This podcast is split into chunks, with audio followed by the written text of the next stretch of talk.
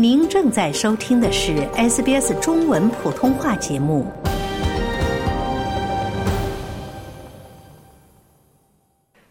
世界卫生组织的一名高级官员在加沙地带中部的一家医院度过了圣诞节。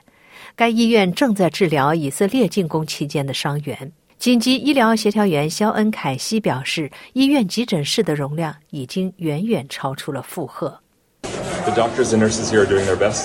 我们的医生和护士已经尽力而为了，但在停火前，他们再怎么努力也跟不上每周七天、每天二十四小时不断涌入的伤员、创伤、苦难的规模。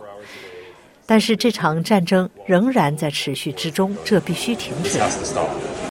受联合国支持的世界粮食计划署周末警告说，加沙地带受严重粮食不安全影响的家庭数量在全球有记录以来占比最高。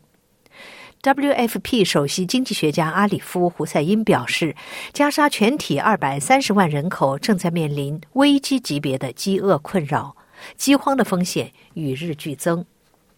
Just to put that in in perspective in terms of the world.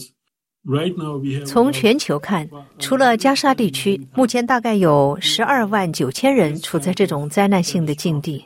但是，仅加沙现在就有五十多万人，是相当于全球所有地区的四倍之多。你知道，真正令人不安的不仅是这场危机的规模或严重程度，还有它恶化的速度。Not just the scale of this or the magnitude of of this crisis. But also at the speed that it has happened. 教皇方济各在梵蒂冈发表圣诞讲话，批判武器工业助长了全球战争。教皇表示，对哈马斯于十月七号袭击以色列南部感到悲痛。他说：“这是令人憎恶的。”他呼吁释放人质，并恳求停火。I plead for an end to the military operations with their appalling 我恳求停止屠杀无辜平民的军事行动，并呼吁通过开放人道主义援助来解决令人绝望的人道主义事态。愿暴力和仇恨不再火上浇油。愿巴勒斯坦问题通过各方之间真诚和坚持不懈的对话，在坚定的政治意愿和国际社会的支持下得到解决。亲爱的兄弟姐妹们。让我们为巴勒斯坦和以色列的和平祈祷。Of the international community. Dear brothers and sisters, let us pray for peace in Palestine and Israel.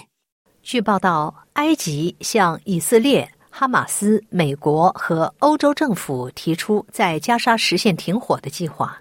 根据这个计划，以色列将完全撤出加沙地带。哈马斯扣押的所有人质以及以色列境内的许多巴勒斯坦囚犯获得释放，而一个联合巴勒斯坦政府将取代哈马斯在加沙的领导地位。据了解，以色列正在讨论该计划，但观察人士称他们不太可能全盘接受倡议。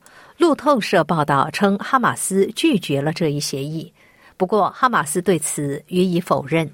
多哈研究所的助理教授塔莫尔·卡尔莫特告诉半岛电视台：“美国对哈马斯的制裁和以色列誓言摧毁该组织，将是实现加沙地带和平的死结。任何和解努力、任何方面的重建以及政治进程的重新启动，都需要哈马斯，都必须与哈马斯接触。这是房间里的大象。”因此，美国人必须意识到这一点，他们更加必须承认这一点。